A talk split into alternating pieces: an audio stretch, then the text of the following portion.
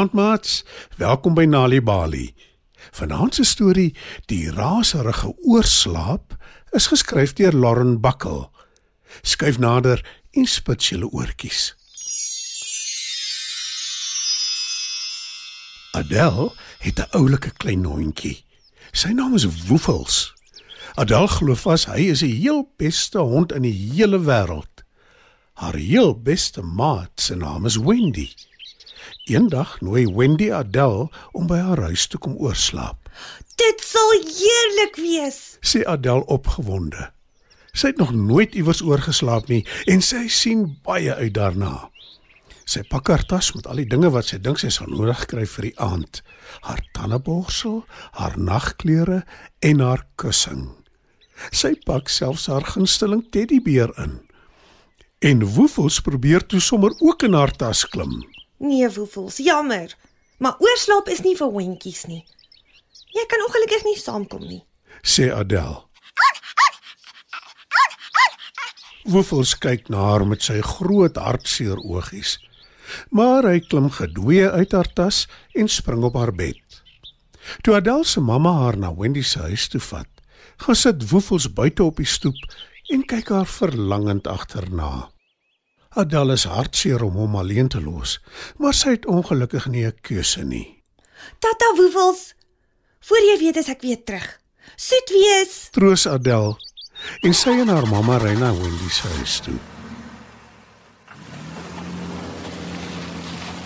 By Wendy se huis het die twee maats groot pret. Hulle speel speletjies, hulle kyk na 'n fliek en hulle gesels land en sand. Toe hulle begin moeg word, sê Wendy se pa: Dis so heerlik buite vanaand. Ek het vir julle 'n tent opgeslaan. Hoe klink dit vir julle? Is dit 'n goeie plan? Ek het nog nooit in 'n tent geslaap nie. sê Adele, Dit gaan lekker wees. Jy sal sien. sê Wendy. Die meisies trek hulle nagklere aan, borsel hulle tande en draf uit na die tent toe. Binne in die tent lê hulle in hulle rugsakke en gesels en giggel. Dis baie veilig want Wendy hulle se huis het 'n elektriese heining en spreiligte wat aangaan as daar beweging is. Die twee is glad nie bang nie. Maar toe skielik hoor hulle 'n geluid. Adele en Wendy sit albei kiers regop. Dit klink soos naels wat teen hout krap. Hulle wonder wat dit kan wees. En toe, net so skielik as wat die geluid begin het, hou dit weer op. Vra Adele benoud. Toe maar. Moenie bekommerd wees nie. Dit seker net 'n boomtak. Ek dink ons moet nou probeer slaap. Troos Wendy. Sy en Adele kruip weer in hulle rugsakke in. Adele maak haar oë toe. Maar toe hoor sy weer 'n geluid. 'n Ander geluid. Die keer klink dit asof iets of iemand in die grond grawe. Vra Adele versigtig. Ja. Wat dink jy is dit? Vra Wendy, Ek weet nie, maar dit het nou opgehou. sê Adele. Die twee meisies lê nou choopstil met toe oë. Maar toe hoor hulle nog geluid. Die slag is dit naby, sommer reg buite die tent se lapdeur. Adele gryp Wendy se arm.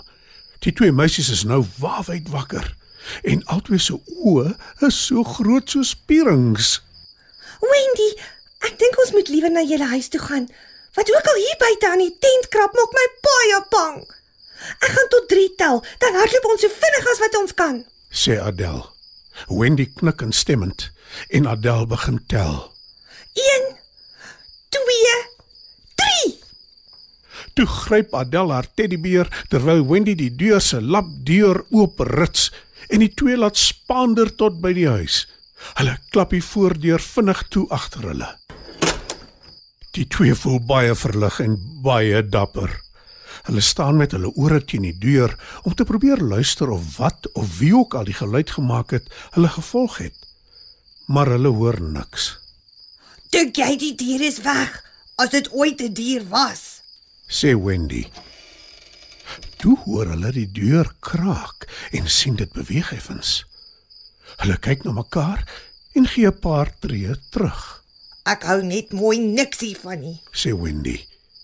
Adel kyk rond en sien 'n venster langs die deur. Sy loer daardeur om te kyk of sy kan sien wat aan die gang is. Ek sien niks buite nie. Sê sy. Dan is wat of wie ook al dit was seker nou weg. Antwoord Wendy hoopvol. Maar die meisies vat geen kansse nie. Ons kan die res van die aand in my kamer slaap. sê Wendy en Adele stem verlig saam. Hulle begin na Wendy se slaapkamer te loop, maar toe hoor hulle dit. Voetstappe in die gang, binne in die huis. Wendy hou Adele se hand styf vas en trek haar saam met haar agtergordyn in. Hulle kyk groot oog na mekaar. Toe voel Adele die gordyn beweeg en iets raak aan haar bene. Adele gil hard en Wendy saam met haar. Wendy se ouers kom nader gedraf en skakel die lig aan. En daar staan Woefels. Hy swai sy stert opgewonde en blaf spelerig. Woefels. Dis toe die hele tyd jy wat ons so bang gemaak het. Roep Adele terwyl sy lekker lag en Wendy lag saam. Woefels het natuurlik in die grond gekrap omdat hy saam met ons in die tent wou slaap. Hy het seker na jou verlang, Adel. Sê Wendy. Ai, Woefels. Jy het ons groot laat skrik. Sê Adele. Hy wou saam met jou kom oorslaap, Adel. Sê Wendy. Toe gaan sy en Adele en Woefels terug tuin toe en kruip in die tent in. En die drie slaap heerlik rustig, al die opgewondenheid vergete. Mats, dit was dan nog 'n Nali Bali storie. Die raserige oorslaap is geskryf deur Lauren Buckle. Die storie is aangebied deur die Nali Bali leesvergenot veldtog in samewerking met SABC Education. Hoekom lees mamma die boek? Dit het dan nie eens prente in nie. Wel seun, nes jy het ek ook my gunsteling stories. Kry jou boek en kom sit hier langs my dan lees ons saam. Kinders doen wat hulle ouers en versorgers doen. Stel dis 'n voorbeeld. Registreer jou eie boekklub by www.nalibali.org/reading club en vind uit hoe Nali Bali jou kan ondersteun. Nali Bali. Dit begin met 'n storie.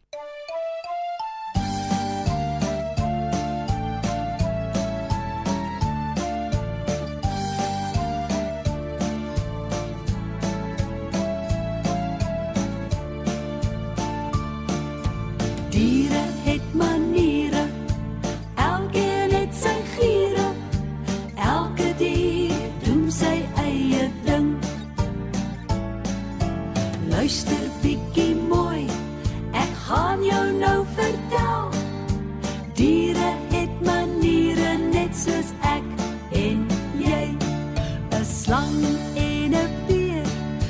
slaap die hele winter deur in die somer soek hul kos, dan moet jy oppas, meneer. 'n Uil jag in die donker en slaap weer in die dag. Apies swaai in die bome rond, hulle speel en ras en lag. 'n Kokketiel en papegaai kan praat net soos jy. En 'n Piet my vrou soek